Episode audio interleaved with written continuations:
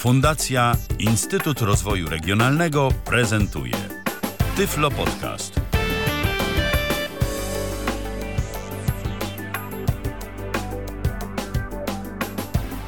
Dobry wieczór. Witam serdecznie w kolejnym odcinku Babiego Lata. Ala Witek z tej strony. E, dziś e, chciałabym Państwa mm, zaprosić do wysłuchania naszej audycji, ponieważ e, mamy, wydaje mi się, dobrą intelektualną propozycję na długie jesienne, długie zimowe wieczory. Mianowicie chciałabym zachęcić Państwa do spróbowania mm, gry w szachy. Jest mi oczywiście niezmiernie miło, że zechcieliście Państwo spędzić kolejny czwartkowy wieczór w naszym towarzystwie w naszym, to znaczy moim i mojego dzisiejszego gościa, którym jest e, Sylwester Barnowski. Witaj Sylwku. Witam wszystkich. E, Sylwka zaprosiłam mm, dziś e, do naszego programu, ponieważ kto jak kto, ale on o szachach na pewno będzie mógł opowiedzieć dużo i ciekawie, ponieważ gra w szachy już od ładnych kilku lat. E, jest e, młodzieżowym mistrzem Polski z roku 1999. E, a także z ostatnich osiągnięć to 13 miejsce na Mistrzostwach Polski Seniorów tym razem i jest także zwycięzcą turnieju szachowego ogólnopolskiego turnieju szachowego w Klipkówce sprzed e, dwóch lat. To oczywiście tylko niektóre e, osiągnięcia, e, które pozwoliłam sobie tutaj wymienić. Mam nadzieję, że niczego nie pomyliłam, Sylwku.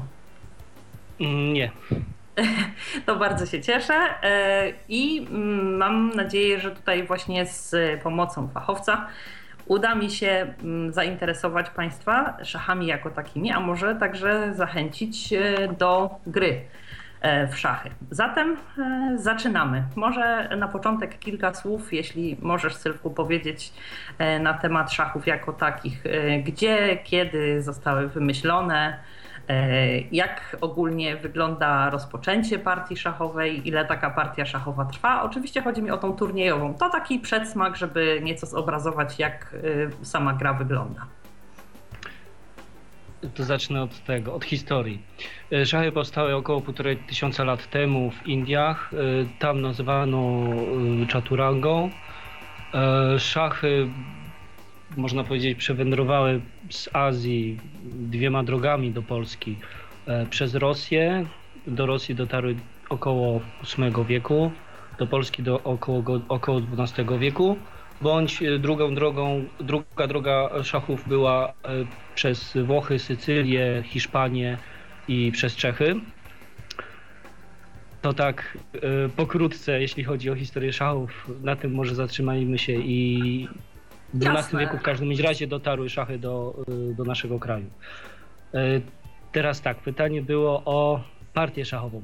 E, jak wygląda, które, który kolor figur zaczyna, jak długo taka partia turniejowa trwa i jakie w ogóle są zasady? Kiedy w szachach ktoś zostaje zwycięzcą, a ktoś pokonanym? No to tak, zwycięzcą zostaje ten, który da mata, mm, czyli, czyli? Jeśli król przeciwnika nie ma gdzie uciec, czyli jest zagoniony, można powiedzieć, do rogu, czy na brzeg szachownicy nie, no, nie, ma, nie ma jak uciec.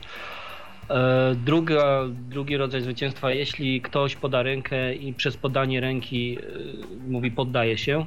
I tutaj jest jeszcze taki, zawsze przed partią jest taki rytuał, że przeciwnicy się witają, podają sobie dłonie mm, na znak, że będą grać fair play i uczciwie.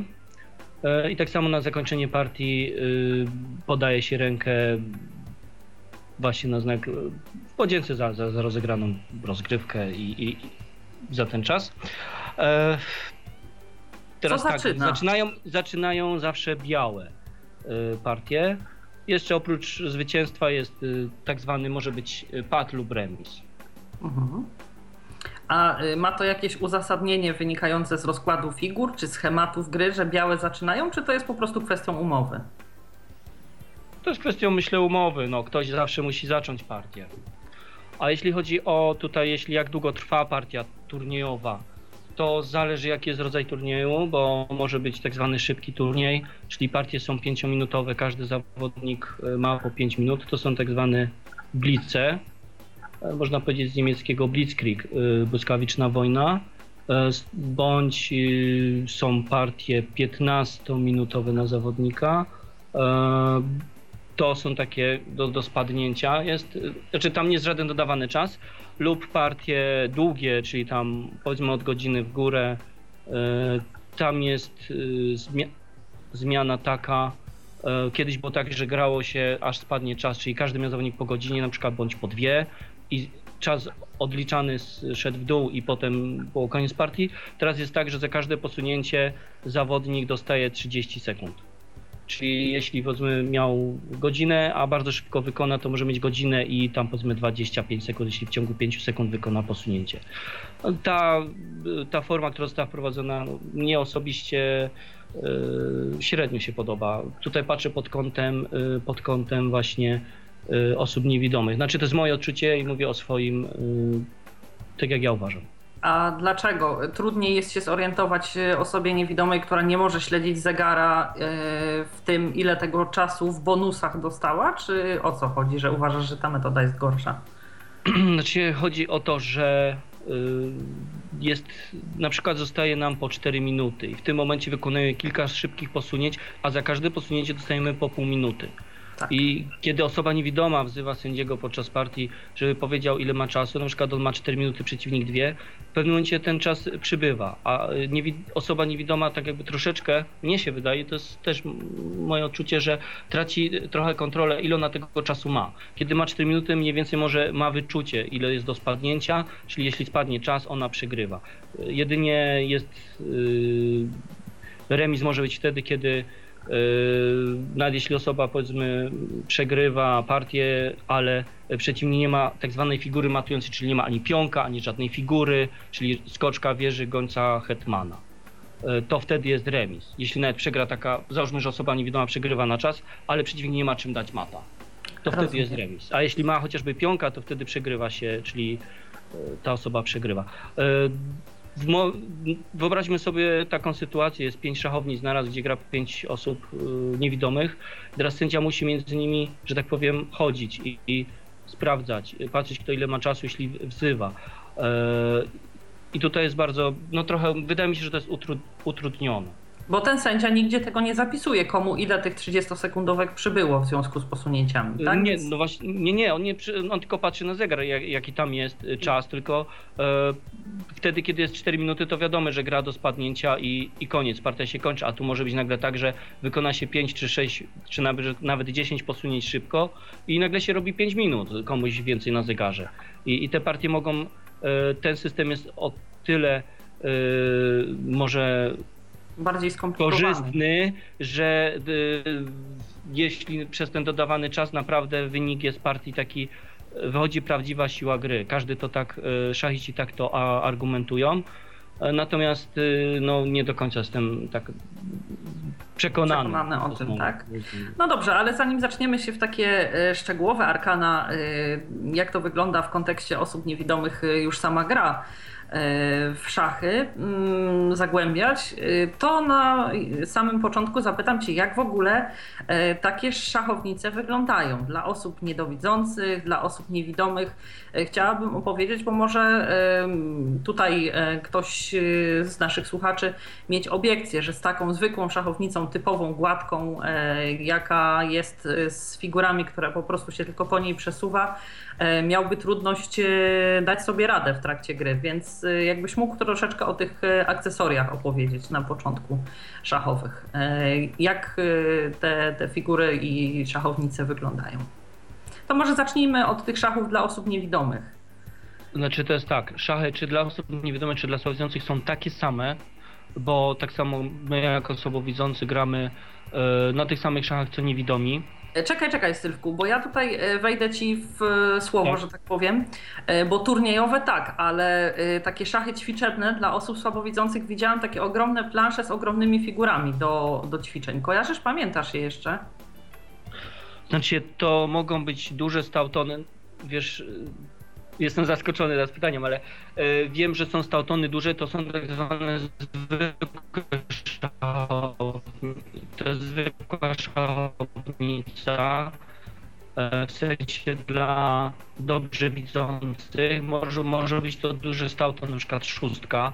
E, I tutaj słabowidząca osoba może widzieć i może grać. Wtedy nie mówimy o turniejowym, teraz, o turnieju, tylko mówimy o, zwykłym, Mhm. o zwykłej grze jakiejś tam e, treningowej, Treningowej. czy zajęcia, kiedy się odbywają. E, mogą być takie duże szachy, lub jak są takie, no tak jak właśnie mówisz, plansze, plansze takie duże z figurami, to mogą być właśnie też dla słabowidzących. E, to jeśli mówimy o treningu, a teraz jeśli mówimy o szachach, e, tak, na których grają osoby słabowidzące i niewidome. Osoba słabowidząca nie jest jakby zmuszona, czy do tego, że musi grać na turnieju zawsze na szachach brajlowskich, chyba że jest to turniej nasz, czyli dla osób, jest to turniej dla niewidomych, słabowidzących, wtedy jest no, w dużym stopniu jest nacisk i jest zobligowana, żeby grać na takich szachach, ale jeśli jest to turniej y, open, tak zwany, czyli tam grają i nazwijmy to zdrowi, dobrze, w cudzysłowie, chodzi mi o wzrok Oczywiście. oczywiście, y, to y, tam osoba słabowidząca może grać na zwykłych szachach, ale jaka jest różnica? Jeśli dotknie się figury na zwykłej szachownicy, czyli tam, gdzie są płaskie, płaska szachownica, to nie jest brajlowska szachownica, figura musi zostać ruszona, trzeba nią zagrać. I teraz powiem właśnie, na- jak wygląda szachownica brajlowska, żeby y, wytłumaczyć, o- co tutaj chodzi z tym, mm, że jak się dotknie, to trzeba grać. Szacho, szachownica brajlowska mm, ma tak samo jak zwykłe szachy białe i czarne pola, z, ty- z tą różnicą, że białe pola są głębsze, czarne są bardziej wypukłe. Czyli tak jakby górka, y, dołek, górka, dołek, można tak by to porównać. I na środku y, każdego pola jest, zrobiona, jest zrobiony otwór, czyli taki okrągły otwór, y, no możemy powiedzieć dziurka, w który wkłada się kołek. Każda figura pod spodem ma taki kołek przymocowana, przymocowany e, i ten kołek się wkłada w, ten, e, e, w, ten, e, w tą dziurkę. E, Jeśli chodzi tutaj o, o figury i jak się wykonuje posunięcie. I rozumiem, że w przypadku osób niewidomych nie obowiązuje ta zasada, że e, dotkniętą figurą należy grać, no bo Tak. przecież jakoś muszą się zorientować Tak. co do sytuacji na szachownicy, tak? E, Dokładnie tak jest, ta zasada nie działa, dlatego jest, jeśli figurę włożymy w takie pole z tym, z tym kołkiem, nazwijmy to, to figura nie może wypaść, prawda, bo ona się trzyma. I osoba niewidoma dotyka figury i One się nie one się nie wywracają, nie one sobie stoją i w momencie, kiedy wyciągnie osoba niewidoma e, czy słabowidząca, wszystko jedno, e, tą figurę z tego pola, czyli wyciągnie ten kołek z pola, wtedy już musi tą figurą grać. Wtedy Bo to już jest interpretowane jako ruch. tak? jako, jako zapowiedź e, posunięcia, czyli będzie trzeba gdzieś tą figurą zagrać. E, Rozumiem. A y, czy zegary, które mierzą czas w trakcie trwania tych partii szachowych, y, też y, są dedykowane w jakiś specjalny sposób osobom niedowidzącym czy, niedowi- nie, czy niewidomym? Czy to są po prostu zwykłe zegary szachowe podczas turnieju, po prostu sędzia spoglądając na nie, y, na życzenie graczy podaje im czas y, i w ogóle czy w, tra- w trakcie turnieju y, sędzia podaje tylko nam nasz czas, czy też możemy pytać o czas przeciwnika? Jak to wygląda? To jest tak, do momentu, kiedy nie zostało wprowadzone, że dodawało się, dodaje się czas 30 sekund za każde posunięcie na zegarze, problem, że tak powiem, można by powiedzieć, że nie istniał, bo były specjalne zegary brajlowskie. Ja pamiętam jeszcze no, trochę czasu temu. Były takie niemieckie zegary drewniane, one były trochę ciężkie, ale każda osoba niewidoma mogła dokładnie sprawdzić, jaki ma czas. Nie musiała prosić o to sędziego. Mhm. Jedynie był problem, może trochę jak był niedoczas, czyli tam było poniżej 5 minut. No nie każda osoba niewidoma ma tak dobre y, czucie, żeby, żeby dokładnie powiedzieć, czy ma półtorej minuty, czy minutę. Tego nie jest w stanie nikt y, wyczuć. Y, No może nikt, przepraszam, no, może ktoś tam jest, ale z tego co ja zauważyłem z, Było to trudne. z tak? obserwacji, nie, nie, nie spotkałem takiej osoby. Mhm. I to było bardzo fajne, bo czas, czyli to było do spadnięcia, to co wcześniej powiedziałem, czyli chorągiewka, wskazówka idzie do pełnej godziny, czyli powiedzmy jest 59, robi się pełna. I wtedy taka chorągiewka, ona się podnosiła i jak przekroczyło tą pełną godzinę, ona spadała i słyszała osoba niewidoma, jak spada czas i wiedziała, że wygrała partię.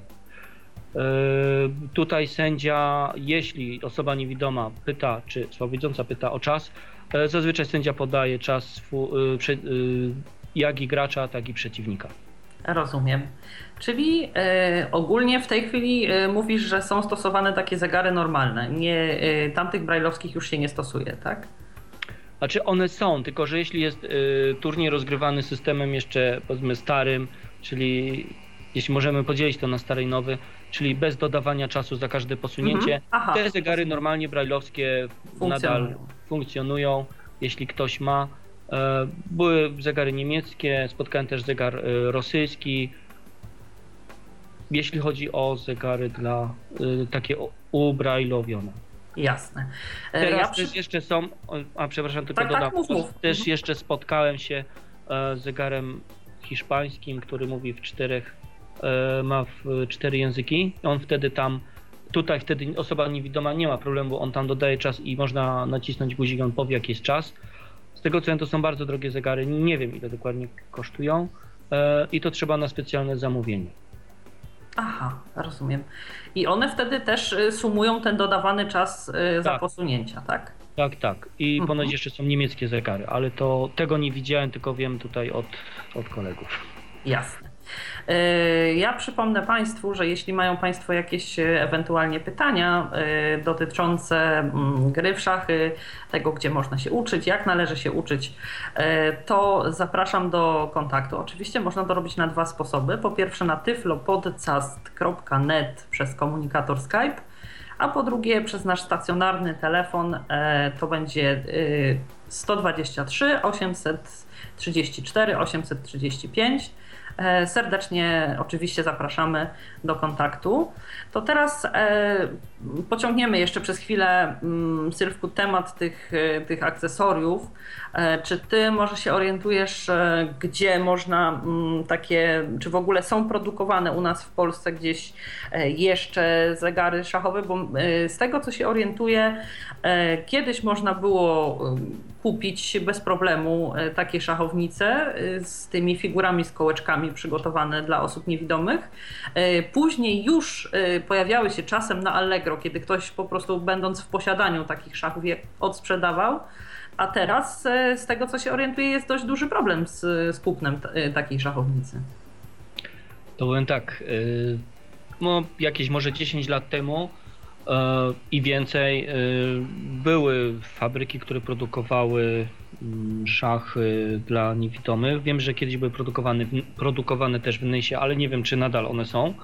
E, ale druga metoda była taka, że szachiści kupowali szachy magnetyczne i tam co bardziej sprawni szachiści, którzy potrafili to zrobić, wyciągali magnes, wiercili dziurki w polach, i jak gdyby prze, przerabiali te szachy właśnie pod kątem naszym, e, żebyśmy mogli e, grać w szachy. I tak sobie e, radzili. To był jeden sposób. Drugi to właśnie były te różne fabryki, które produkowały, były różnego rodzaju szachy.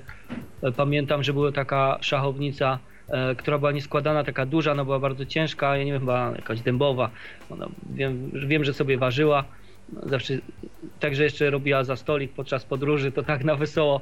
E, nieraz można było w karty na niej pograć, ale miała jedną wadę, że bardzo dużo miejsca zajmowała, ale osoba słabowidząca znakomicie na niej widziała i powiem szczerze, e, figury, które ona miała i gdybym mógł, to bym chętnie dzisiaj jeszcze ją kupił, bo e, bardzo była, bardzo dobrze na niej widziałem na przykład rzeczywiście jest problem trochę z szachami, bo jest jakoś spadło zainteresowanie w ogóle i producenci nie, nie produkują, yy, był taki moment, że przestali produkować. Teraz powrócono do produkcji i tego co wiem jest w Tarnowie firma, która Oj, poczekaj chwilę, Sylwku, bo coś źle cię słychać. Tam e, trzeba się skontaktować. Wystarczy wpisać w Google e, e, szachy poczekaj, dla niewidomych, tam trzeci bądź czwarty link. Bo przez moment było cię źle słychać. Gdybyś mógł powtórzyć, w Tarnowie jest producent, tak? Dobrze zrozumiałam? Tak, w Tarnowie jest producent, mhm. który no, produkuje szachy. Nie wiem, czy jak to wygląda Na tą chwilę tak do końca wiem, że przez okres wakacyjny jakoś zawiesił tą produkcję. Być może trzeba napisać i ustalić co i jak. On produkuje, szachy kosztują 125 zł bądź 150, coś takiego. Mniej więcej w tej, w tej kwocie te szachy się, jeśli chodzi o cenę. A powiedz mi, jeszcze chciałem powiedzieć, że tak? tak, jeszcze kiedyś było tak, że można było kupić na konwiktorskiej e, szachy i były w naszym sklepie, tam gdzie jest nasz główny PZN, e, ale niestety Niemcy teraz bardzo dużo wali za szachy bo sprawdzałem to 600 zł za komplet, no to Aha, i to były niemieckie szachy, te, które tak, były niemieckie, dostępne. Tak, to ja właśnie stamtąd mam, nawet nie wiedziałam, e, bo właśnie u nas też tutaj nigdzie nie mogłam kupić szachów i prosiłam koleżankę z Warszawy, żeby mi kupiła. Na szczęście okazała się tak miła, że że kupiła, wysłała i tak dalej właśnie na konwiktorskiej, ale ktoś mnie pytał jakiś czas temu i jak sprawdzaliśmy to właśnie nawet tam już nie było. A szkoda, nie, bo od dwóch albo trzech lat nie mają tych szachów, bo właśnie dzwoniłem w tym temacie się zapytać, żeby właśnie kogoś tutaj pokierować. Mówią, że nie mają. Kiedyś one kosztowały około 200 zł, 250 i to były jeszcze te stare zapasy, a teraz te teraźniejsze niestety bardzo duża cena. To ja jeszcze w uzupełnieniu do tego, o czym mówicie, dodam, że mamy wiadomość od Jacka. Jacek tu wysłał e, link do sklepu, to jest bodajże sklep.caisa.pl i tam e, właśnie także można kupić szachy dla niewidomych i słabowidzących. Jacek napisał jeszcze do tego, że jest wiele jeszcze różnych innych modeli. To tak w uzupełnieniu. Ale e, modeli tak. do, do kupienia, czy modeli w sensie, że w ogóle są produkowane? Myślę, że chodzi mu o to, że są różne E, od, e, nie wiem, odcienie, kolory, wielkość. Myślę, że to A, ma na myśli. w tym sensie. Świetnie. Tak, to bo, bardzo dziękujemy bo, za informację w takim razie. Ja to jakoś tak przeoczyłem. E, bo przy różnej wadzie wzroku różnie odbieramy dany kolor szachów. Na przykład ja pamiętam kiedyś były takie szachy czeskie, to też Czesi produkowali E, ja na przykład na nich bardzo źle widziałem i jak mi przychodziło na nich grać, mi się wszystkie figury rozmywały. O, Ala, jeszcze zapytałeś mnie wcześniej, tylko że ja to pominąłem, spytałeś się, czym się różnią figury. E, białe, między białymi a czarnymi to zależy jaki producent. E, jest tak, spotkałem się, że na przykład białe, od czarne na przykład miały szpilki bite, to właśnie jak główki. robili sobie szachiści same, tak, w główki tam, wskoczek, wieża i tak dalej. Jeśli to robiła fabryka, to na przykład wieża jedna była wypukła, a druga na przykład miała dołek, y, dołek, a i ta jeszcze wypukła, czyli jak jest górna część, y, jeszcze tam była kropka i niewidoma osoba wiedziała, że to jest powiedzmy y, czarna wieża była z kropką, a wklęsły powiedzmy to jakby dołek na, na głowie tej wieży, jakby to powiedzieć, to wi wiadomo było, że, że to były bia białe. Hetman na przykład miał kropkę, a czarny był płaski na górze. Goniec no gońcy to akurat nie pamiętam, że dawno nie widziałem, ale skoczek na przykład miał tak jakby uszy, jeden tak jakby miał naprawdę te uszy, a drugi miał na przykład płaskie, w tym miejscu, gdzie, gdzie powinna być przerwa między uszami, no nie? U, tak, u tak. skoczka, to tam jest płaskie i wtedy wiadomo, że to jest czarny skoczek na przykład. Aha. Także to jest różnica między figurami. Aha, jeszcze pionki.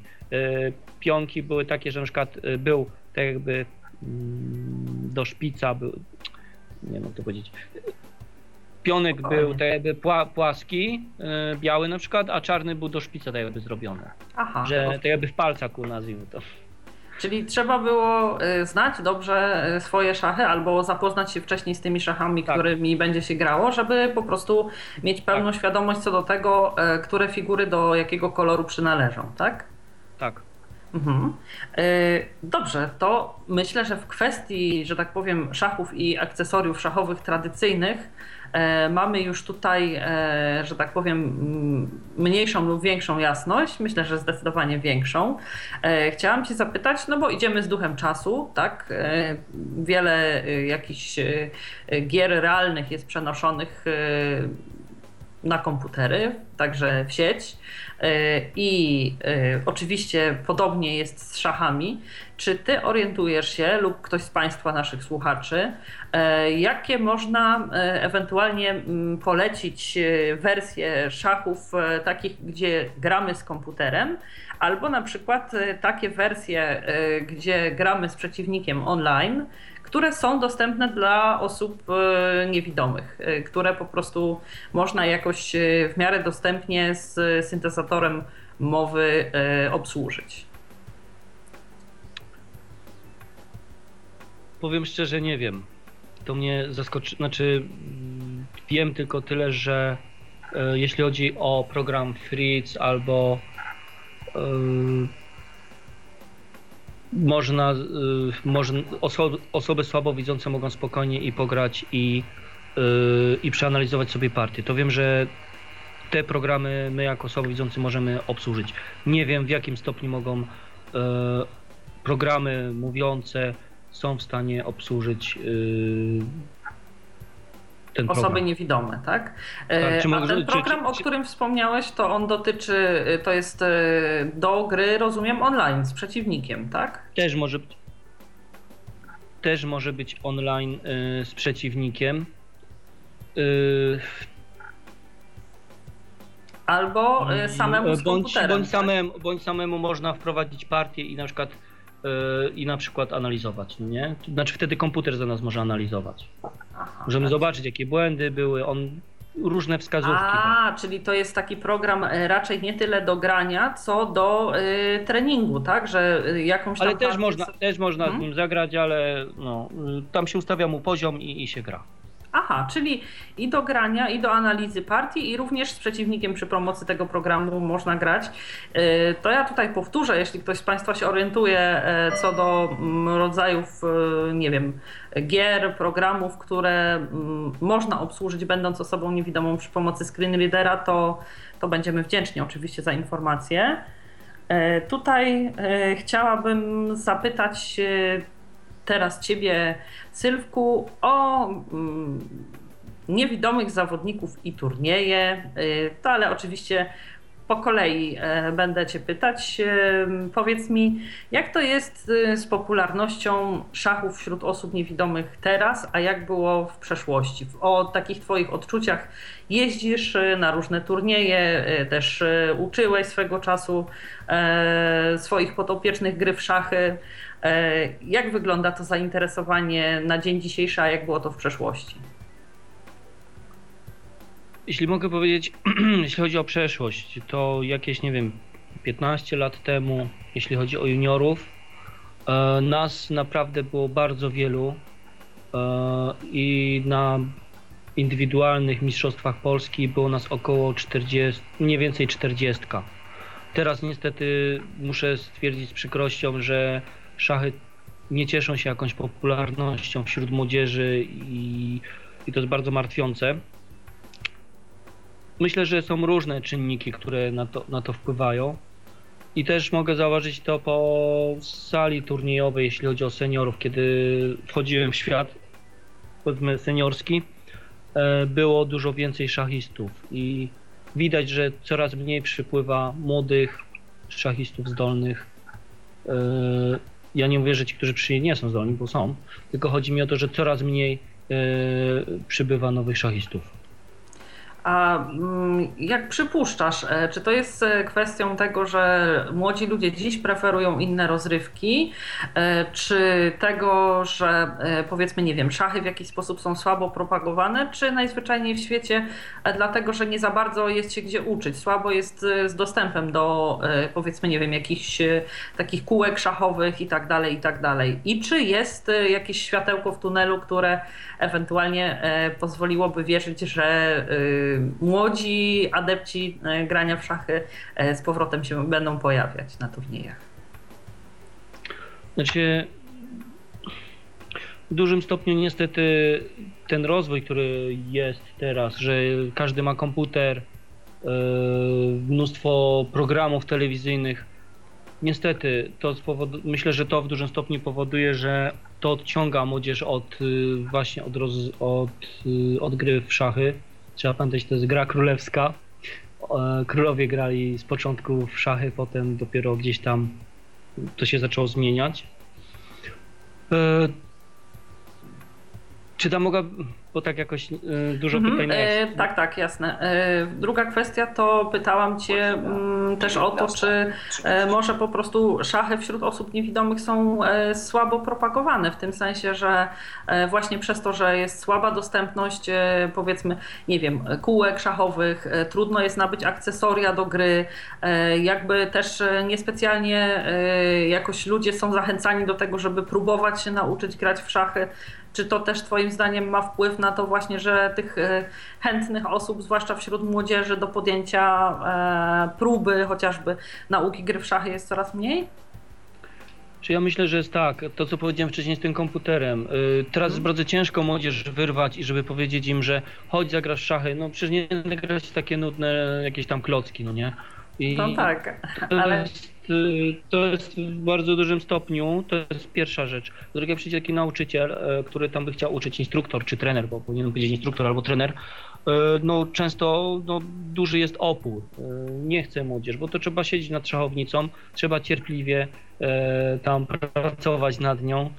Czy jeśli weźmiemy to, jeśli nawet będzie to przez zabawę tak w luźny sposób, to prowadzone. Jednak e, tutaj dużo łatwiej no, młodzieży tam przyciąga niestety komputer. E, I druga rzecz jest taka, że bo tego nie wiem, w ilu szkołach jest na przykład dla niewidomych koła szachowe, tak? Są kółka szachowe. Ja mhm. powiem, powiem tak jak wcześniej powiedziałem, to jakby umknęło mi, kiedy zaczynałem grać szachy yy, i zaczynały się, przyjeżdżałem na Mistrzostwa Polskie, tak jak powiedziałem, juniorów i było 40 osób.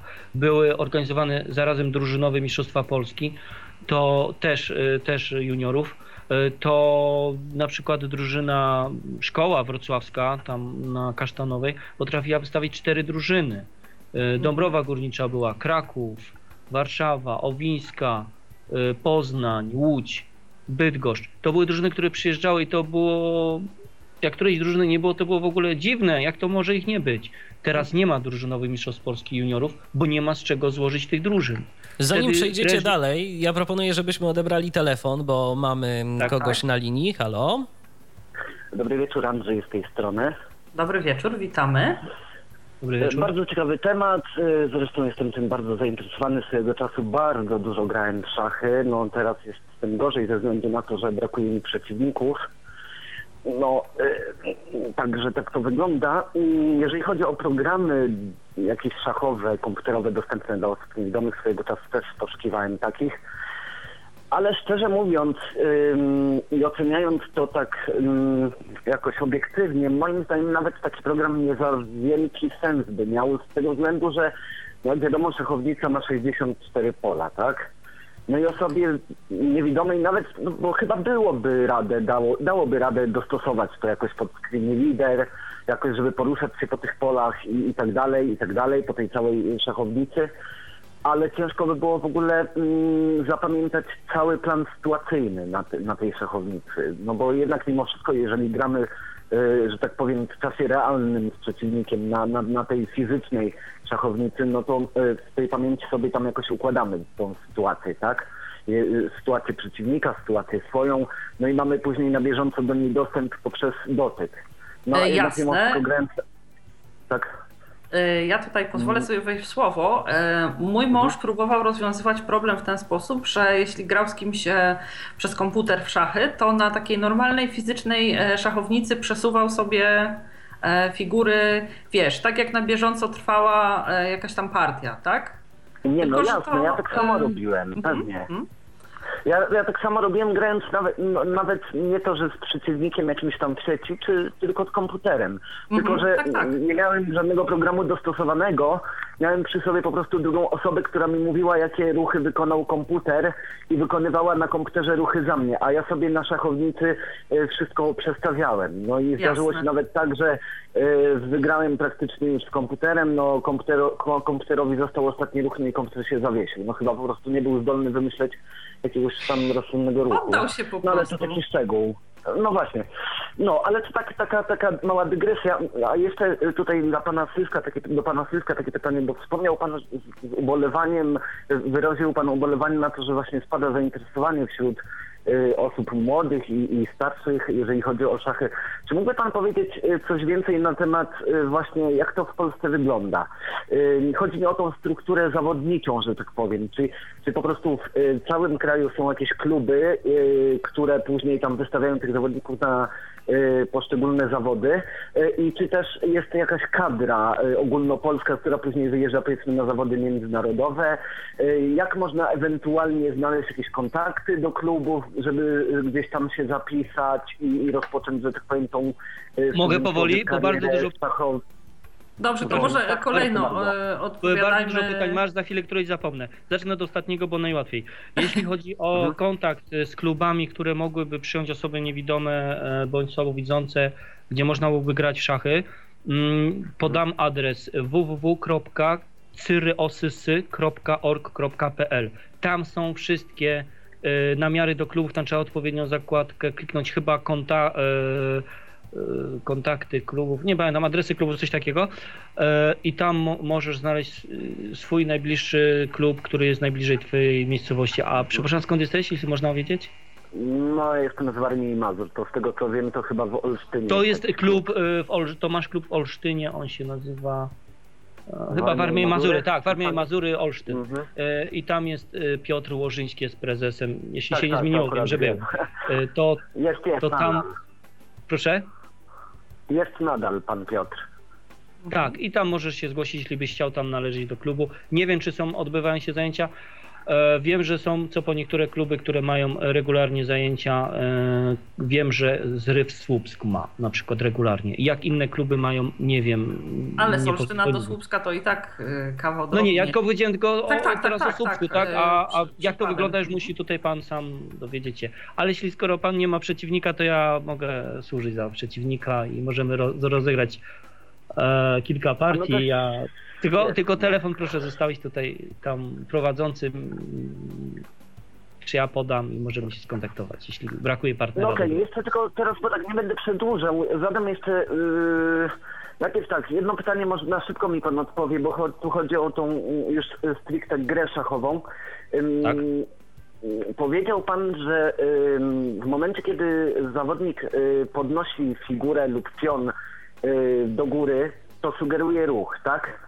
I teraz Tak. y, chodzi mi o to, kiedy ten ruch zostaje uznany za wykonany. Y, Czy w momencie, kiedy postawimy pion już na odpowiednim polu i y, puścimy go, od, od, od, odejmiemy rękę od tego pionu, czy w, jakiś, w jakimś innym momencie? Bo chodzi mi o to, czy, czy zawodnik ma szansę zmienić decyzję w którymś momencie, że akurat na przykład nie tą figurą się chce ruszyć, tylko inną.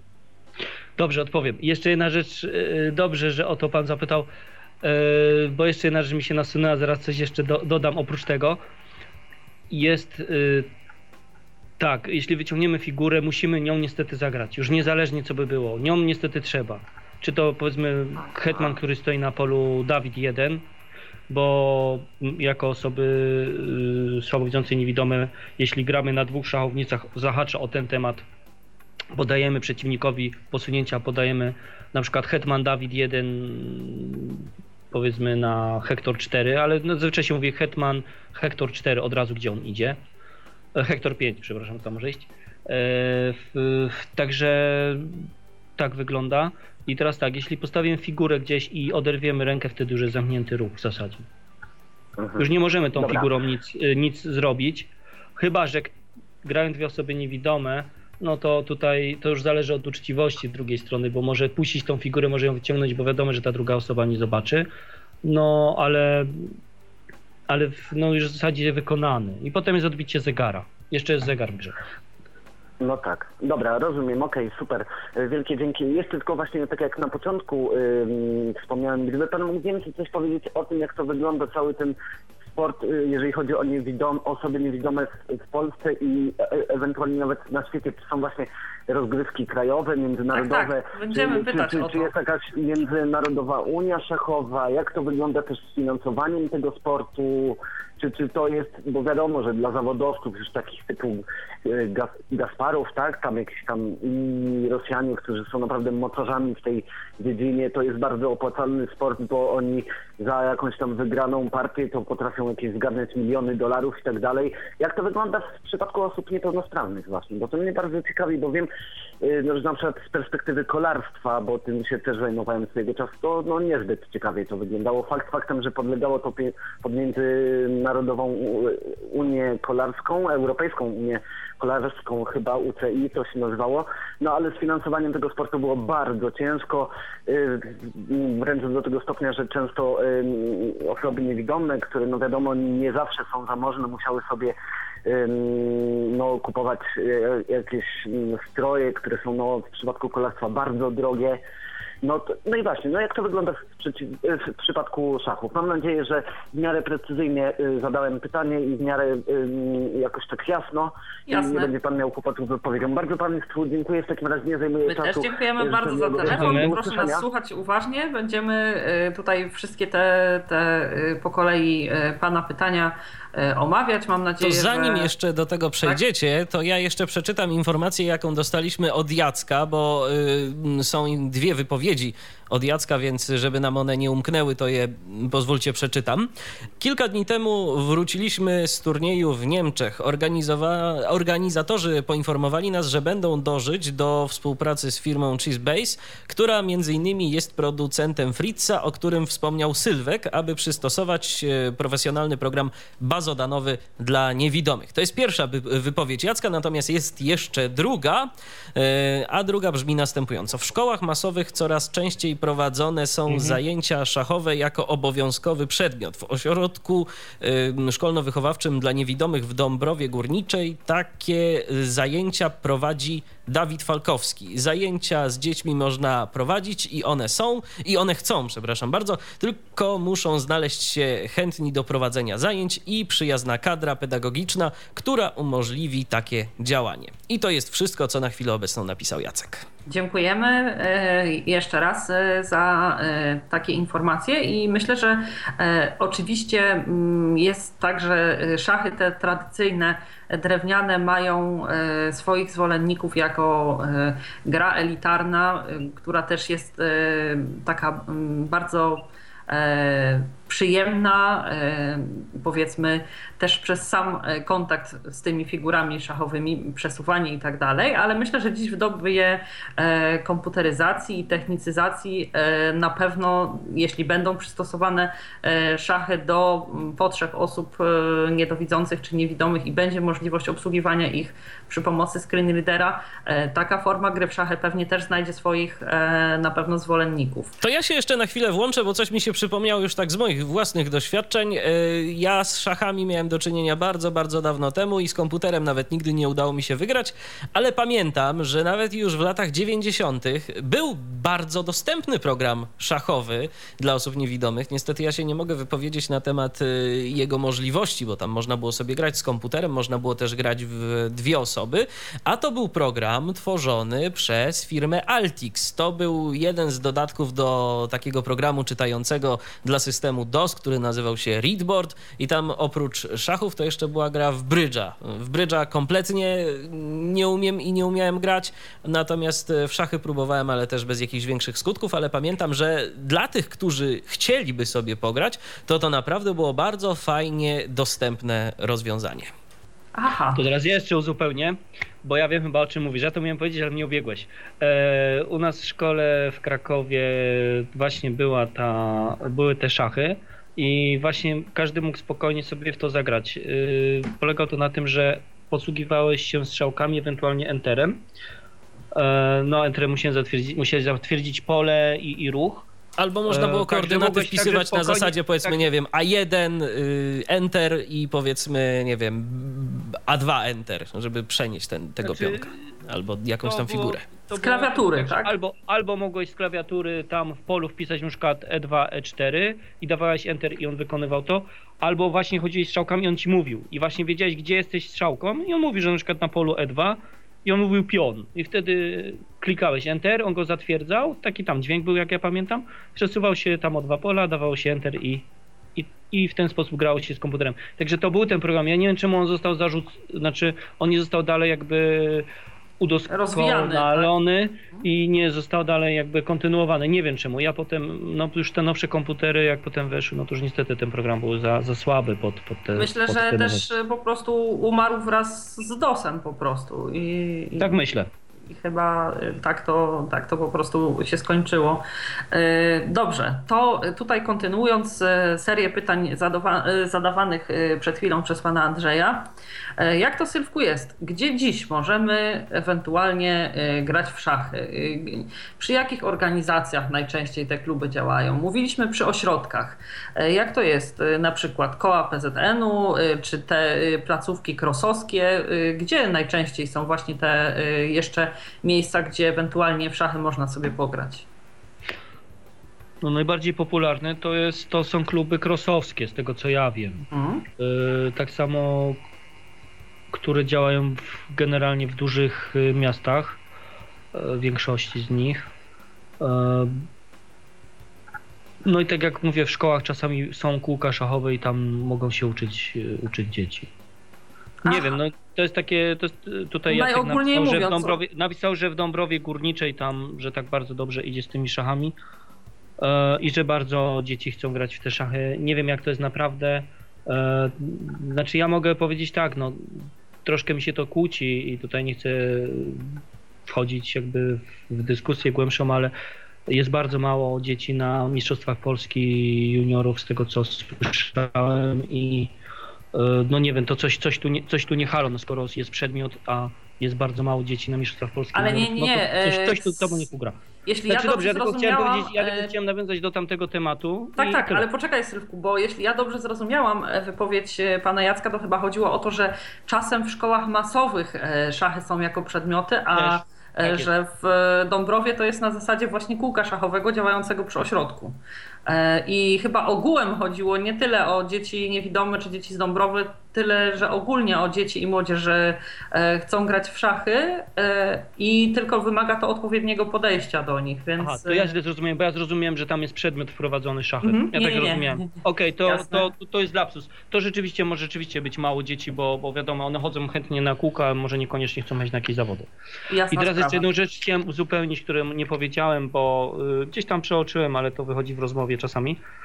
E, tam pan zadał pytanie o wykonanie posunięcia, ale też jest, jest jeszcze jedno takie y, zdarzenie, które ma, może mieć na, na turnieju, e, kiedy osoba gra, grają dwie osoby niewidome, bądź słabowidząca z niewidomą lub powiedzmy y, słabowidząca z widzącą, ale gramy na dwóch szachownicach. Na czym to polega?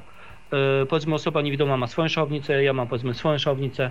No i teraz pytanie, jak, jak my mamy sobie dać radę, tak? On gra czarnymi, ja gram białymi, więc zapowiadamy posunięcia.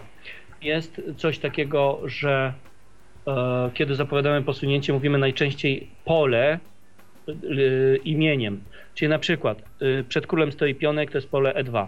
Nie mówimy E2, tylko mówimy Ewa 2, albo, mówimy Ewa 4 i wiadomo jest, że ten pionek poszedł na pole Ewa 4. Jeśli będzie to jakiś tam powiedzmy skoczek, to mówimy skoczek Felix 3. Najlepiej, żeby przeciwnik powtórzył i on u siebie ustawia tą figurę. I to, powiedzmy, ja zagram skoczek. Jakby Felix przeciwną 3. u siebie ustawia, tak? tak? On, mhm. Y, on, on, u siebie ustawia białe i ja u siebie białe. Jak on mhm. zapowie powiedzmy pomiń skoczku Felix 3, on powie skoczek Felix 6, ja u siebie ustawiam i najlepiej powtórzyć, żeby nie było potem niedomówień, że ja powiedziałem tu, a ty powiedziałeś tam. Ale Jasne. jeśli jest powiedzmy powstanie, niezgodność na, na szachownicy, najczęściej sprawdza się zapisy, bo jest jeszcze w szachach coś takiego jak zapis. Eee, no i powiedzmy, że na tym zakończę. Nie będę tu Jasne, myślę, że, że nie ma sensu e, tutaj dokładnie rozwijać. E, to jeszcze w takim razie tutaj e, kontynuując te pytania, które mm, pan Andrzej był łaskaw zadać. Chciałam Cię zapytać, jakiej rangi turnieje są organizowane u nas? Czy to są właśnie mistrzostwa jakieś regionalne, mistrzostwa Polski i później zwycięzcy tych imprez gdzieś wyjeżdżają, że tak powiem, w Europę czy świat, żeby reprezentować nas? Czy to są zawody juniorskie, seniorskie? Jak to wygląda na obecną chwilę? Może zacznę od juniorów. E, juniorzy no, mogą grać w różnych turniejach tam juniorskich, można by wyrzec ze zdrowymi, znaczy w cudzysłowie oczywiście, wiadomo tak, co chodzi, chodzi mi tutaj o oczy. E, I są w naszym środowisku najczęściej są robione e, mistrzostwa, one są raz do roku, mistrzostwa Polski juniorów. Tam jest wyłaniany mistrz i mistrzyni i ci mistrzowie wyjeżdżają na mistrzostwa świata juniorów. To różnie Jasne. bywa. Była to Hiszpania, Belgia, raz chyba była Grecja, jeśli dobrze pamiętam. E, I jeśli chodzi o juniorów, e, i były kiedyś drużynowe mistrzostwa juniorów, niestety one teraz, tak jak powiedziałem, e, zostały zawieszone, ponieważ no, coraz mniej juniorów jest. No, to jest niepokojące, że w naszym środowisku coraz mniej gra młodych ludzi w szachy, albo może grają, ale nie jeżdżą, no, ciężko powiedzieć. A powiedz mi, ja Sylwku, jeszcze te Mistrzostwa Polskie, one się odbywają co rok, co ile lat tak. i świata tak samo? Mistrzostwa Świata są raz w roku i Mistrzostwa Polski tak samo. Aha, rozumiem. Dobrze. Teraz jeśli chodzi o seniorów. Są mhm. turnieje ogólnopolskie, w których też mogą juniorzy grać tak samo, czy turnieje integracyjne, tak samo mogą, e, mogą grać juniorzy, także tu nie ma, tu nie ma jakby e, przedziału, tylko musi należeć najczęściej do jakiegoś klubu krosowskiego. I teraz tak, jeśli on jest w szkole, powiedzmy sobie w Krakowie, e, tam teraz powstał klub Nadzieja, to on należy do klubu i nie ma problemu. Wysyła go szkoła, on jest z klubu wysłany, idzie sobie powiedzmy tam do rowów, na przykład na turniej ogólnopolski. Ale jeśli jest tylko kółko szachowe, i nie ma klubu, bo tam na przykład w Dąbrowie jest jeszcze Jutrzenka e, Dąbrowa Górnicza i tam jest klub od razu, więc tu też nie ma problemu. Ale powiedzmy, jeśli Wrocław na przykład nie ma klubu tylko swojego, jak gdyby, krosowskiego, to wtedy trzeba zapisać takiego juniora albo do najbliższego klubu, czyli Opole, Nysa bądź Poznań i wtedy taki junior jest wysyłany i on jest reprezentantem takiego klubu też na ogólnopolskim turnieju. I tak jak powiedziałem, są turnieje ogólnopolskie y, bądź integracyjne mogą być. To jest taki, można by powiedzieć, najniższy szczebel. Potem są półfi- ćwierćfinały Mistrzostw Polski.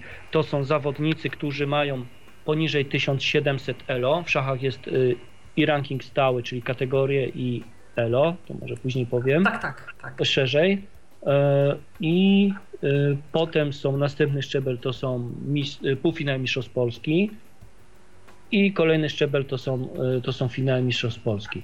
I w półfinałach Mistrzostw Polski mogą grać zawodnicy, którzy mają powyżej 1800 ELO i pierwszą kategorię szachową, a i z tego półfinału najczęściej wchodzą, wchodzi sześciu zawodników do finału. I tam już Final... toczy się bój o mistrzostwo, tak? Tak, i tam jest jeszcze taki klucz, że jest teraz, e, powiem tak jak ja pamiętam, jak było, nie wiem czy coś się nie zmieniło, że było dwóch zawodników, którzy, którzy wchodzili z klucza, czyli mieli najwyższy ranking e, na 1 stycznia danego roku, czyli ten ranking ELO, o którym później powiem, on jest ruchomy. I e, pierwsza trójka mistrzostw Polski, czyli mistrz, wicemistrz i brązowy medalista. To mówimy o krajowym podwórku. I teraz tak, jeśli są mistrzostwa Polski, już finał mówimy, jest wyłaniana kadra i jest tak, międzynarodowe rozgrywki to są mistrzostwa świata, mistrzostwa Europy i olimpiady. Aha. W tym roku na przykład Jacek Stachańczyk był na Mistrzostwach Świata, jest aktualnym mistrzem świata wśród niewidomych. Jeszcze tego yy, jest pierwszą osobą, która zdobyła Mistrzostwo yy, Świata, chodzi o Polaków. To naprawdę wielkie osiągnięcie i po prostu ogromne gratulacje i wyrazy uznania się należą za to zwycięstwo na Mistrzostwach Świata. E, dobrze, to jak już zaczęliśmy o tych e, rangach turniej wszelkiego rodzaju, to co? Y, da radę osoba niewidoma wyżyć z szachów, czy niekoniecznie? Jak to jest? Y, pytał e, być tutaj... Szczery, e, znaczy, trzeba, trzeba, by było się najlepiej teraz pytać Jacka, który do nas pisze, czy on daje radę wyżyć szachów. Ja traktuję szachy jako wielką przygodę, dobrą zabawę, e, traktuję je poważnie. Nie, no to oczywiście mówiłam Ale... w taki kolokwialny sposób, bo pytał tutaj słuchacz, jak to jest... Którzy ale są tak. którzy potrafią wyżyć z szachów. Nie wiem, no tutaj myślę, że ci najlepsi to myślę, że potrafią jakoś z tego wyżyć. Czyli jadą. Y, turnieje są y, finansowane w formie nagród i te jakieś ogólnopolskie, rangi mistrzowskiej i te oczywiście rangi europejskiej czy światowej też. Też tam są jakieś nagrody, ale też mam na myśli to, że na przykład może jeśli dobra jest osoba, mam na myśli tutaj słabowidzącą bądź niewidomą, chodzi na jakieś turnieje openy albo, czyli długie turnieje, albo pojedzie na jakieś szybkie turnieje, tam też są dosyć ciekawe nagrody. Jeśli dobrze gra, może być w czołówce i może z tego jakoś tam wyżyć. No, nie są to jakieś też kokosy, aczkolwiek to różne są turnieje.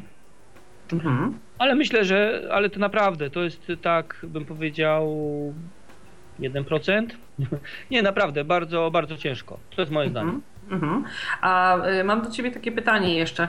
Y, jak to jest? Y, tutaj kluby szachowe, te, które działają powiedzmy, nie wiem, przy krosach, czy jakieś inne organizowane dla osób niewidomych, słuchacz czy pytał, to jest jakoś też, nie wiem, finansowane przez trudno powiedzieć, Ministerstwo Sportu, kto się zajmuje tak, finansowaniem to wiem tylko tyle, że, są, że Ministerstwo Sportu finansuje cross, plus sponsorzy, plus 1%, który jeśli odprowadzamy z podatków, tak? Tak, odprowadzane z podatku. Nie wiem, czy coś więcej. Jeśli Jacek coś wiesz, a nas słyszysz, to proszę pod, podpowiedz, bo, bo ja tyle wiem na ten temat. Mhm.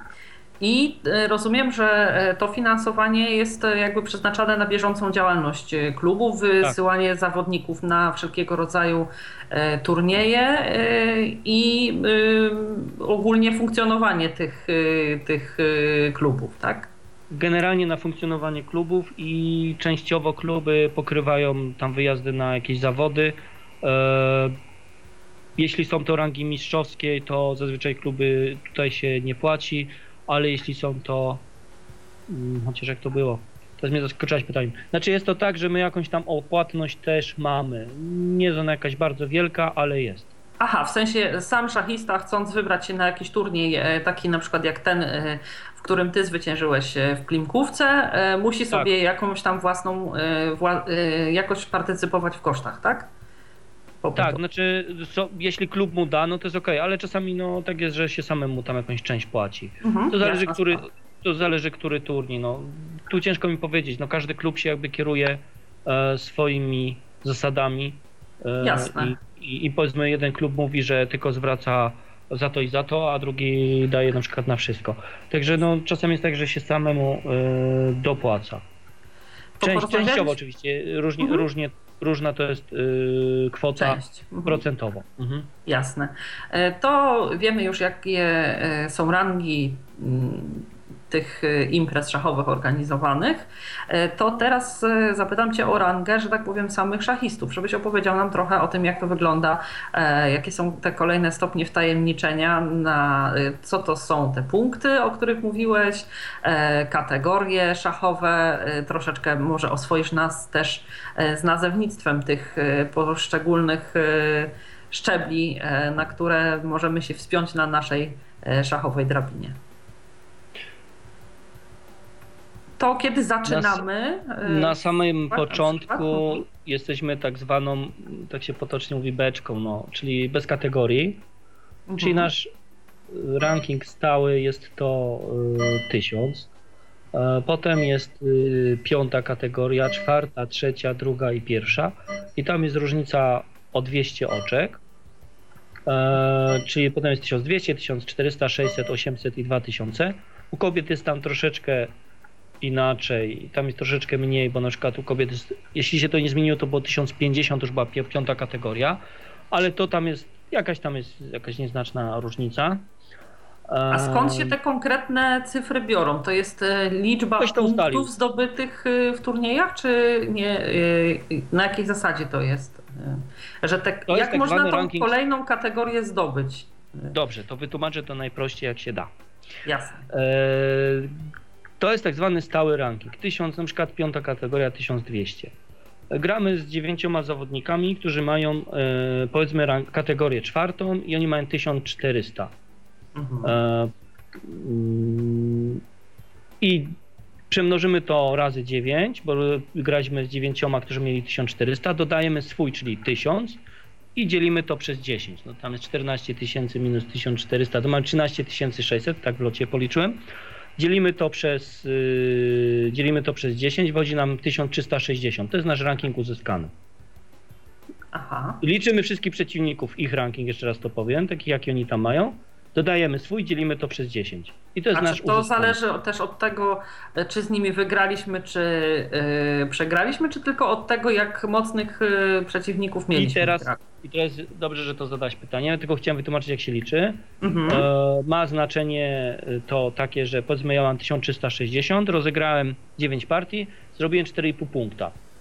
Wtedy nic mi się nie dodaje, ale jeśli zrobiłem 5 punktów, to dostaję średnio, bo to jest tak, że dodatkowo za każdą połówkę powyżej połowy, czyli od 4,5 w górę, czyli 5, 5,5, 6, 6,5, za każdą połówkę, którą zdobędę, dodatkowo dostaję około 40 oczek. To się Jasna dokładnie sprawa. liczy 400 dzielone 9, bo jest 9 partii, tam wychodzi ci 44 oczka, ale zaokrąglimy do 40.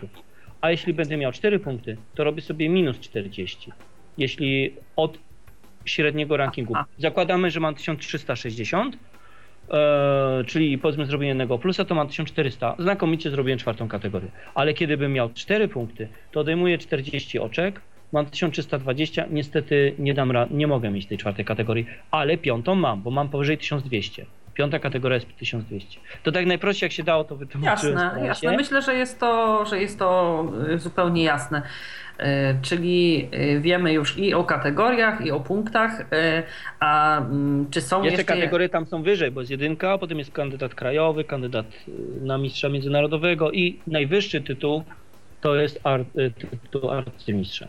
Tak, w wielkim skrócie. Aha, Jeszcze jest jeszcze tak zwany ranking ruchomy, tam powiedziałem ELO, on się nazywa. I mm, to jest podobnie liczone jak, y, znaczy, no, to nie jest tak do końca podobnie.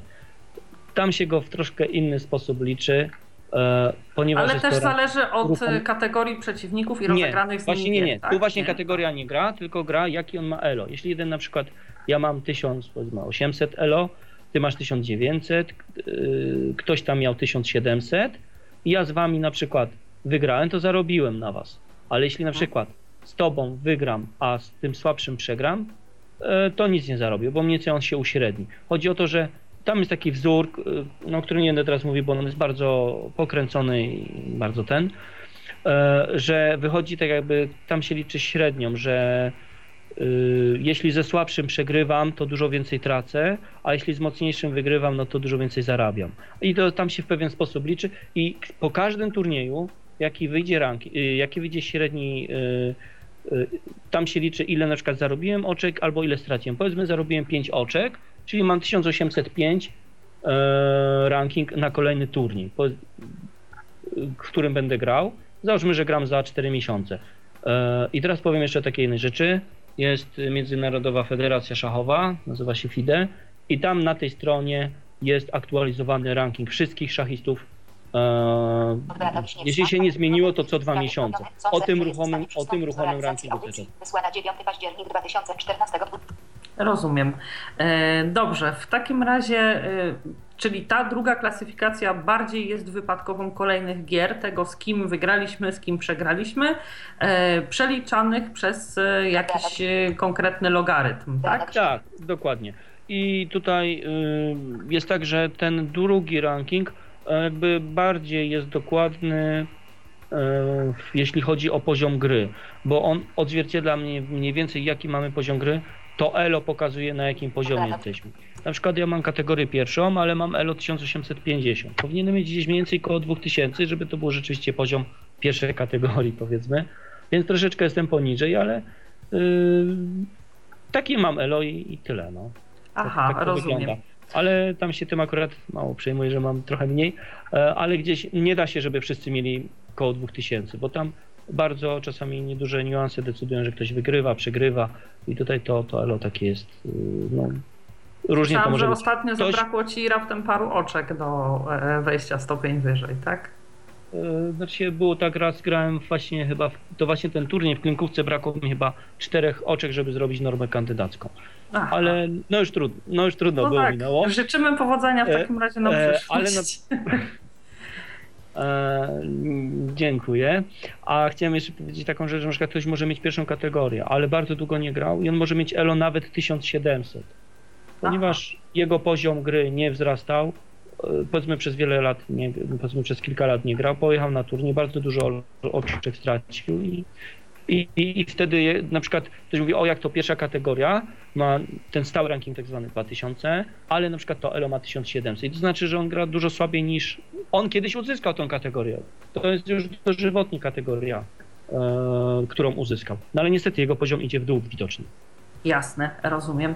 E, to jeszcze e, w kwestii tych e, jakby turniejów i rozeznania się w tym, jak możemy się uczyć, grać, chciałam Cię zapytać z kolei o taką kwestię mm, wydawnictw. Jeśli chcielibyśmy sami na początek uczyć się jakoś grać w szachy albo trenować, e, jeśli już potrafimy, czy orientujesz się, czy są jakieś wydawnictwa takie, które są dostępne dla osób niedowidzących czy niewidomych, które mogłyby być w tym pomocne?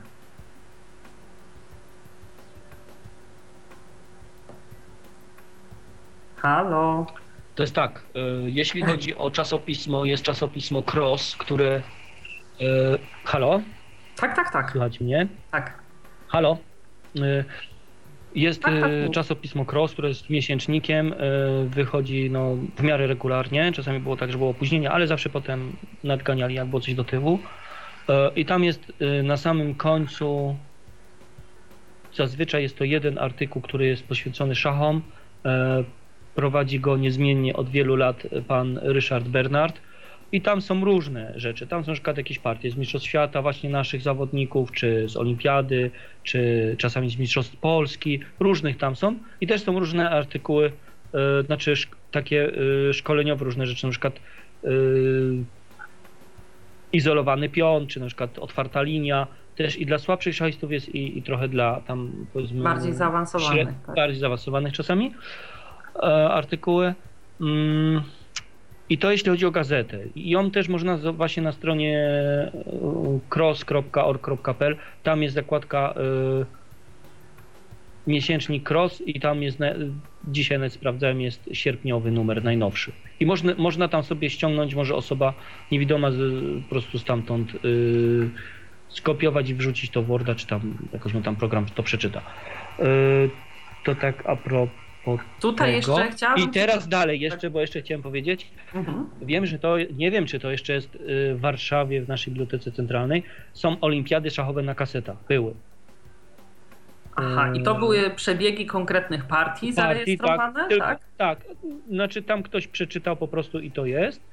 Y, kolejną rzeczą, którą jest, są lekcje szachowe, które kiedyś były na kasetach, myślę, że one nadal są, ale zostały przeniesione na na płytę w formie, e, jeśli dobrze pamiętam, MP3. E, to też prowadził pan Ryszard Bernard i tam jest od do tak mniej więcej do poziom do drugiej kategorii szachowej, jeśli ja dobrze pamiętam, trzeciej albo drugiej. I tam są różne rzeczy. Tam są otwarcia, tam jest gra środkowa, końcówki. Także tam jest to na czterech płytach. I jeszcze były lekcje szachowej strategii, tam było na, dwa, na 12 kasetach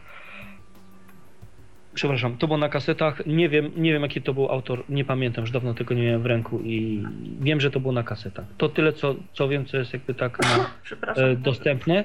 Lub e, właśnie tutaj Jacek, który do nas pisze, można do niego napisać i on poda, e, on nagrał tam kilka płyt e, związanych tam z, jeśli dobrze pamiętam, tam chodziło o obronę sycylijską i jeszcze kilka innych tematów Aha, e, Trzeba do niego napisać, schematy, on, to tak? prześle, on, to, on to prześle, ponieważ on to nagrywał e, tam gdzieś w studio i on tam, nie wiem czy w studio, czy gdzieś, wiem, że można od niego też dostać materiały.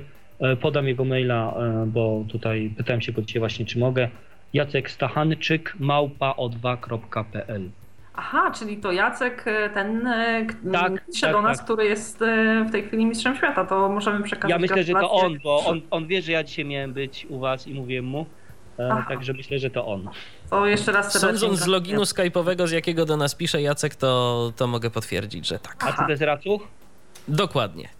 To to on jest. Jasna sprawa.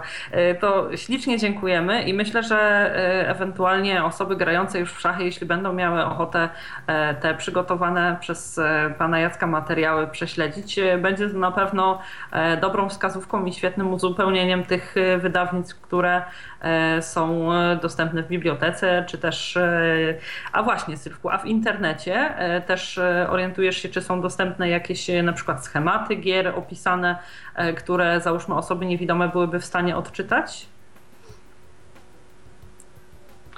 Powiem ci, że nie wiem. Mhm, rozumiem. Nie będę, nie będę tutaj ci y, sprzedawał czegoś, czego nie wiem. Jasne, jasne. Myślę, myślę, że coś na pewno by się znalazło. Jeśli wpiszesz w Google tam powiedzmy partia wiedeńska, to ci wyskoczy takie główne informacje, ale y, jako tak książek, znaczy jedynie chyba rozwiązanie byłoby jeszcze jakby były książki tak zwane zeskanowane. To też byłoby rozwiązanie dla osoby niewidomej, ponieważ ona może to przerobić albo pod Worda, albo pod y, y, no albo jeśli PDF-a tam jakoś da się, Pod żeby warunkiem, czytała. że są one wydane w formie takiej opisowej, a nie w formie obrazkowej, bo wtedy to tak, już tak, y, zupełnie nic jeszcze nie jeden, jeszcze jeden warunek jest, bo czasami są tak książki pisane, że zamiast y, o zapisie, powiem tak tylko krótko, y, każda figura ma, zapisujemy dużą literą, czyli na przykład król to jest K duże, skoczek to jest duże S i tak dalej. Jeśli jest to y, znaczkiem, to wtedy może program nie przeczytać, ale jeśli będzie normalny zapis, powiedzmy wieża Literka 4, tak? czyli WD4, w zapisie, tak, tak się zapisuje, to każda osoba będzie mogła wtedy skorzystać. Tak. I myślę, że to jest jedyne rozwiązanie, jeśli są książki, jeśli byłyby książki zeskanowane. Jasne. To e, w takim razie za chwilę porozmawiamy o tym, e, gdzie się uczyć, jak się uczyć, e, gdzie trenować, czego to od nas wymaga i tak dalej, i tak dalej. Do rozmowy Jeszcze z moim... rzecz. Tak? Jeszcze jedną rzecz chciałem dodać. Jeśli osoby słabowidzące bądź niewidome mogą grać w klubach dla dobrze widzących, czyli no, dla w cudzysłowie zdrowych, mhm. to ja bardzo zachęcam, żeby chodzić do tych klubów i grać, ponieważ tutaj ocieramy się o inne środowisko, o innych ludzi i tak mi się wydaje, że tam jest troszeczkę wyższy poziom niż u nas, jeśli chodzi o, o szachy. Niby mamy ten sam, to samo elo, ale jednak jest różnica. Kiedyś to była duża różnica i to było widać, jak kiedy graliśmy w turniejach, na przykład w Koszalinie, były, były wyjazdy. Y, z... A, jeszcze jednej rzeczy nie powiedziałem, jest zgrupowanie kadry, zazwyczaj rokroczne. Dobra, ale to najpierw skończmy o tych Dobra. turniejach. To były takie jakby kategorii open, że grały osoby tak, ze zdrowym wzrokiem i niedowidzące, tak? tak? I często mhm. nam tam elo jechało w dół, także bardzo dobrze grać y, też w środowisku zdrowym, czyli w klubach otwartych, bym powiedział bo tam naprawdę wychodzi, gdzie jakby jesteśmy na tym szczeblu szachowym. Czy to Jasne, jest rzeczywiście ta, to, to teraz jeszcze wróćmy to jest do mo- tych... Z mojej strony, jeśli tylko jest to możliwe, to ja zachęcam i żeby jak najbardziej uczestniczyć. Jasne, to jeszcze wróćmy do tego, e, co zacząłeś mówić, a e, że tak powiem, przerwałam ci, żeby wrócić do poprzedniej kwestii. E, z tymi, z tą kadrą szachową, to na jakiej zasadzie to się odbywa? Jest tak, że są Mistrzostwa Polski i po Mistrzostwa Polski jest wybierana, znaczy kadra jest tam 10 albo 12 osobowa, już teraz nie pamiętam, ale chyba 10 osobowa i jest grupowanie kadry zazwyczaj rok rocznie przed ważnymi imprezami, czy to są Mistrzostwa Świata, Europy i tak dalej, czy Olimpiada. Jasne. E, Sylwku, to troszeczkę porozmawiamy o tym, jak się e, uczyć grać w szachy i e, jak to robić, e, jak, ile powinniśmy trenować. To może zacznijmy od tego, czy trzeba mieć jakieś szczególne predyspozycje do tego, żeby e, nauczyć się grać w szachy, czy może to zrobić każdy? I druga część pytania, czy do tego, żeby odnieść sukces w szachach, są potrzebne jednak jakieś e, konkretne predyspozycje? Może powiem tak, jeśli chodzi o sukces w szachach, trzeba mieć pewne predyspozycje. myślę, że trzeba mieć olbrzymi talent. Mhm. Także tutaj każdy z nas ma na pewno jakieś predyspozycje, tylko jeden ma predyspozycję, że zrobi kandydata krajowego, drugi zrobi kandydata, znaczy na przykład mistrza FIDE, a trzeci zrobi arcymistrza, tak? Także tutaj każdy ma jakby inne predyspozycje. Jak ktoś tylko dojedzie tam do pierwszej kategorii i wyżej jest mu bardzo ciężko się e, wydrapać na tej drabinie szachowej. Mm, teraz zapytałaś o trening. Y, to jest tak, z początku jest bardzo ważne, żeby mieć instruktora bądź trenera, ale myślę, że instruktor spokojnie wystarczy do tej trzeciej, drugiej kategorii. On na pewno pokieruje nas tak i pokaże nam, jak trenować, bo to jest, wygląda w ten sposób, że są zajęcia i po zajęciach trener najczęściej da jakieś zadania do rozwiązania do domu. E, a jeśli chodzi o samemu, jeśli już sami pracujemy nad szachami, e, pracuje się w tak najbardziej ogólny sposób. Mm, to jest kilka rodzajów treningów. Albo ćwiczymy debiuty, e, albo grę środkową, albo końcówki. Jasne, Jeszcze do tego dochodzą różnego rodzaju zadania o różnej tematyce. Powiem na przykład poświęcenie figury, albo podwójne uderzenie, czyli jedna figura atakuje dwie figury naraz i któraś musi zginąć, y, albo mm, nie wiem, matowanie na samym początku, to tam jest jakaś nauka, matowanie powiedzmy dwoma wieżami, albo jedną wieżą, albo hetmanem.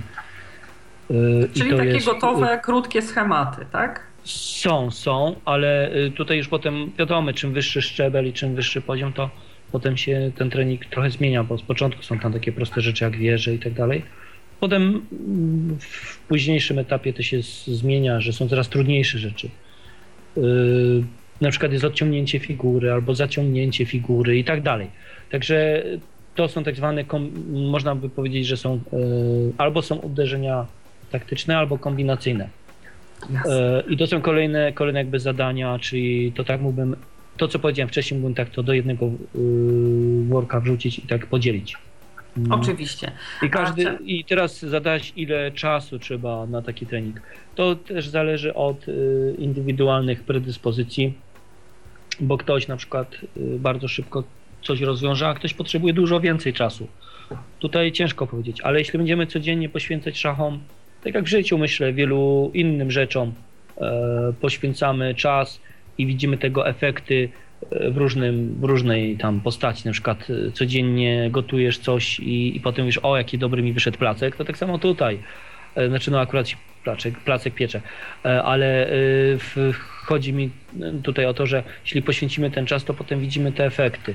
I tutaj chciałem powiedzieć taką rzecz jeszcze, to takie, ja tak mam bynajmniej, jak dużo trenuję, to mam w pewien moment takie, że to jakby mam zniżkę formy, nie, nie do góry, tylko nie hosta, tylko bez sam nie łapie. E, ale to jest, e, czyli można powiedzieć, później dopiero przychodzi ten progres, e, czuję po jakimś czasie rzeczywiście ten mój poziom poszedł do góry i czuję to nieraz na, na turnieju. I teraz przed samym turniejem, to tak powiem poza konkursem, powinno się przynajmniej z tydzień nie grać w ogóle w szachy ani nie trenować. To ja tak praktykuję po to, żeby nabrać tego smaku i te, tej chęci gry do rywalizacji e, z przeciwnikami czy przeciwniczkami, jeśli na tym turnieju są kobiety. I żeby trochę e, chyba od te, tego grania takiego ciągłego odpocząć sobie, prawda? Żeby zebrać no, siły myślę... na, i koncentrację na te gry najważniejsze, tak? Yy, też, ale tu chodzi o to, żeby ten smak złapać, bo jeśli będziemy przetrenowani, to będziemy na szachy patrzeć z jakąś taką niechęcią i nie będzie nam się chciało liczyć wariantów, czy tam, no siedzieć i grać też a ileś godzin. Jasne.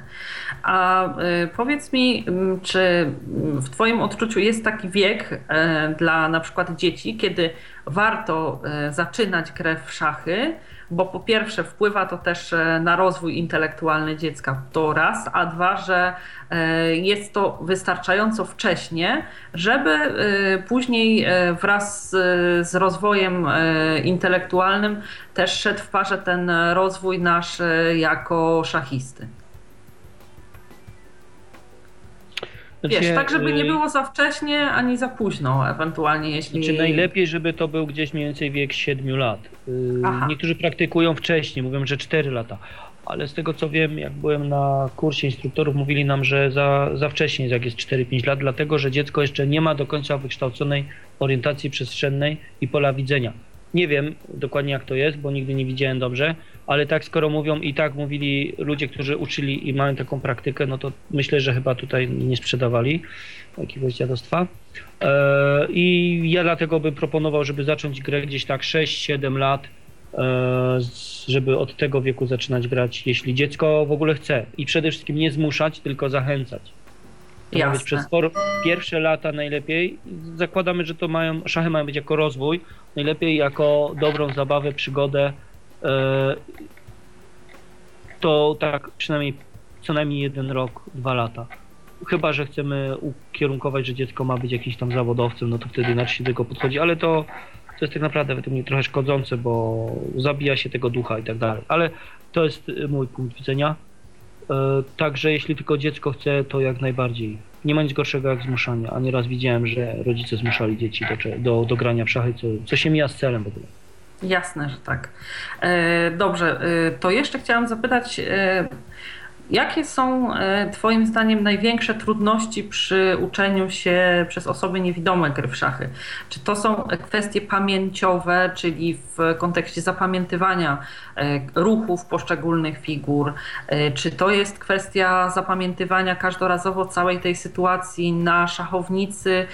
Czy problemy jakby z orientacją przestrzenną? Co jest takim, taką trudną do przeskoczenia barierą przy nauce gry w szachy przez osoby niewidome, przy uczeniu się. Czy ja myślę, że każdy ma jakby inną barierę, e, bo mhm. jeden na przykład będzie miał problem z orientacją przestrzenną, to co właśnie wspomniałaś, e, ktoś inny będzie miał problem na przykład e, będzie miał ograniczone pole widzenia, będzie go to męczyć, że będzie musiał powiedzmy kręcić głową, powiedzmy ktoś ma widzenie lunetowe nazwijmy to, tak? Mhm. To będzie musiał bardzo głową operować, żeby widzieć tą szachownicę, gdzie te figury stoją i tak dalej. Ktoś tam może mieć zamazany obraz, Także tu każdy może mieć różne trudności. Jeśli mówimy tutaj tak e, z stricte o wzroku, techni- tak. tak, stricte techniczne trudności, czyli wzrok. E, na przykład taką trudnością jest e, dla nas to, że tak jak wspomniałaś o materiałach, że na przykład e, ja mogę powiedzieć to po sobie, że no wolniej mi idzie czytanie książek szachowych, przerabianie tego, e, ponieważ no muszę tak, tutaj schylić się nad książką, przeczytać, ustawić na szachownicy, i tak dalej. Na przykład to, to jest taka jakby u mnie trudność. E, kupiłem sobie specjalnie mniejsze szachy Stautony czwórki, e, które to jest taki rodzaj, bym powiedział, szachownicy i figur. To był taki mistrz świata, Stauton się nazywał i on wymyślił te szachy w XIX wieku i jakby jego szachy zostały przyjęte jako międzynarodowe ja mam model, model 4, to są trochę mniejsze, bo zazwyczaj to są piątki, to są turniejowe, są piątki tak zwane, czyli wielkość tam, tam chodzi o wielkość średnicę. E, dlatego, że jak mam za dużą szałownicę, ja nie jestem w stanie ogarnąć, pole widzenia mi nie pozwala ogarnąć tej szałownicy, jest mi ciężko. Także dlatego mam na przykład mniejsze figury. No tak, mnie się wydaje, że generalnym jakby tutaj e, czynnikiem, no i jeszcze jest jedna rzecz, e, gdzie tam jeszcze, przepraszam, bo wrócę, bo wrócę do tematu o, o, tym, o tych predyspozycjach też, że mhm. y, troszeczkę trzeba mieć y, zmysłu matematycznego. Jeśli ktoś jest typowym humanistą i na przykład ma niestety, y, to się nazywa chyba dysk, dyskalkulia, tak? Jeśli tak. nie ma matematycznego, E, to niestety on będzie miał problemy, żeby się nauczyć grać w szachy. No nie ma, nie ma siły. No ta osoba prawdopodobnie, prawdopodobnie, bo ja nie chcę nikogo przekreślić ani mówić, że on się nie nadaje, ale będzie, miał, będzie ta osoba miała bardzo e, duże problemy. Ale jakby nauczyła się grać w szachy, to jej na pewno bardzo pomoże. Bo właśnie chciałam e, Cię zapytać o takie kwestie tych predyspozycji, czy są ludzie, którzy, że tak powiem, nawet widziałeś osoby, które nawet samych ruchów nie są w stanie zapamiętać, żeby, żeby grać w szachy, czy, czy nie? Czy mówisz, że nauczyć się grać e, może każdy, a doskonalić swoje możliwości to już w zależności od talentu, tak? Może powiem tak, podstawy każdy się nauczy. I tego jestem pewien i jeszcze mi się nie zdarzy, żeby ktoś się nie nauczył. Ale potem doskonalenie to już jest wtedy, to już jest w ogóle inna bajka, inny szczebel. Jasne. E, to teraz e, chciałam Cię zapytać, bo mówisz o tym właśnie o przypadkach z osób, osób e, z dyskalkulią, które, którym nauka gry w szachy może być pomocna przy niwelowaniu tego, e, tego braku. Na jakie jeszcze inne nasze cechy osobowości, czy też umiejętności gra w szachy ma, może mieć pozytywny wpływ? No na pewno, jeśli pracujemy nad szachami, uczymy się cierpliwości, bo do szachów inaczej się nie da podejść jak z dużą dozą cierpliwości. E, na pewno rozwijają orientację przestrzenną, e, poprawiają koncentrację. E,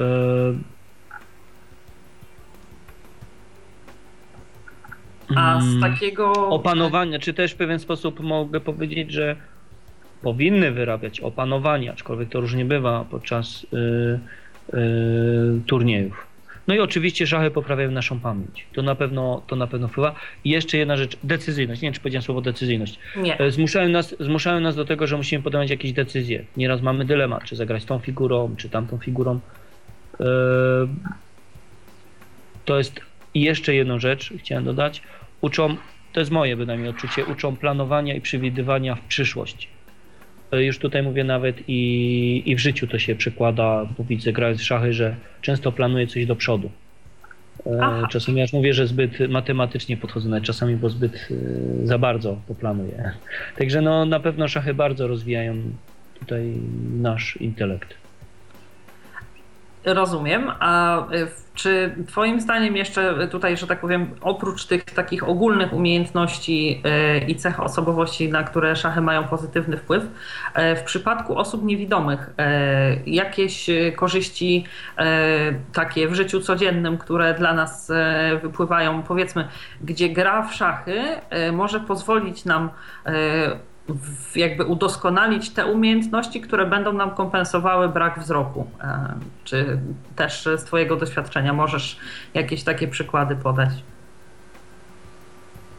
Przepraszam, możesz powtórzyć pytanie, bo e... jakoś tak nie za bardzo wiem, jak, jak je ugryźć. Jasne. E... Chodziło mi o to, czy mm, powiedzmy z tego, jak obserwowałeś osoby niewidome, na przykład grające i niegrające w szachy e... i obserwowałeś je przez powiedzmy ileś tam lat, tak? E, nie wiem, to byli twoi koledzy szachiści, czy tam osoby, które uczyłeś grać w szachy. Czy widziałeś, że powiedzmy te osoby, które grają w szachy, jako osoby niewidome, niewidome z pewnymi rzeczami lepiej sobie radzą. Nie wiem, e, po oczywiście takim dłuższym graniu, tak, kilkuletnim, e, z orientacją, z jakimś takim, e, nie wiem, wyobraźnią co do położenia różnych miejsc i tak dalej. Czy to się przekłada Twoim zdaniem, czy nie? Wiesz co, nie, nie, nie zaobserwowałem czegoś takiego, ale mhm. myślę, że to na pewno, na pewno yy, przekłada się, jeśli chodzi o orientację przestrzenną. Mhm. Że I tak samo na przykład ja grając w szachy, to mogę powiedzieć na sobie bynajmniej, yy, miałem problemy z matematyką, zacząłem grać w szachy, skończyły się problemy z matematyką. Gdzieś tam to logiczne myślenie się uaktywniło, yy, pobudzone zostało, czy, czy, czy rozumienie tego wszystkiego. Yy, byłem dosyć, jak dobrze pamiętasz, byłem dosyć taki, no, bym powiedział, żywy, delikatnie mówiąc. Najpierw dzięki szachom naprawdę dużo bardziej potem się stałem spokojniejszy, nie byłem taki, yy, no taki, no można powiedzieć, bardzo żywy. Mhm, także, bardziej także, także szachy, szachy opanowują, szachy powodują, że yy, człowiek się robi taki bardziej stateczny, bym powiedział. Aha, czyli e, mimo iż nie poprawiają refleksu, o czym e, świadczą rozliczne żarty, e, na pewno wpływają pozytywnie na różne nasze umiejętności. Myślę, że i to, i swego rodzaju elitarność tej gry, i mm, fakt, że szachy jako takie mm, są dla nas dostępne jako w kontekście osób e, niewidomych nie ma większego problemu z tym, żebyśmy mogli w nie grać, bo nawet e, powiedzmy w domu z rodziną z osobami zupełnie z dobrym wzrokiem i tak dalej nie ma żadnego problemu, żeby grały z nami. Na ogół nie stanowi to dla nikogo przeszkody, żeby grać z osobą niewidomą na tej jej szachownicy, więc jest to też świetny sposób na spędzanie razem czasu i cementowanie rodzinnych relacji, bo jest to takie zajęcie, przy którym jest człowiek z człowiekiem, nic jakby nas nie rozprasza. Siedzimy sobie, gramy i myślę, że jest to taka bardzo fajna alternatywa e, dla tych takich rodzinnych rozrywek, e, niekoniecznie e, powiedzmy takiego najmądrzejszego sortu, którym się oddajemy z lubością, jak oglądanie całymi godzinami, mm -hmm. nie wiem, telewizji tak. czy no więc właśnie, więc myślę, że, że to też jest miła i dobra alternatywa. No powiem tak, że ja na przykład dużo bardziej wolę sobie z kimś się spotkać, pograć w szachy, niż e, grać na przykład chociażby przez komputer, tak? Powiedzmy tam na... Yy, przepraszam, yy, na kurniku, czy na jakimś tam innym portalu. Yy, bo jest ten kontakt tak, osobisty, tak? No ja wolę tak spotkać się z kimś i pograć, bo, bo to jest całkiem inna, inny odbiór partii. Tutaj mamy przed sobą partnera, czy tam partnerkę, i, i widzimy jej, nie wiem, zachowanie, jak, y, jak reaguje. Y,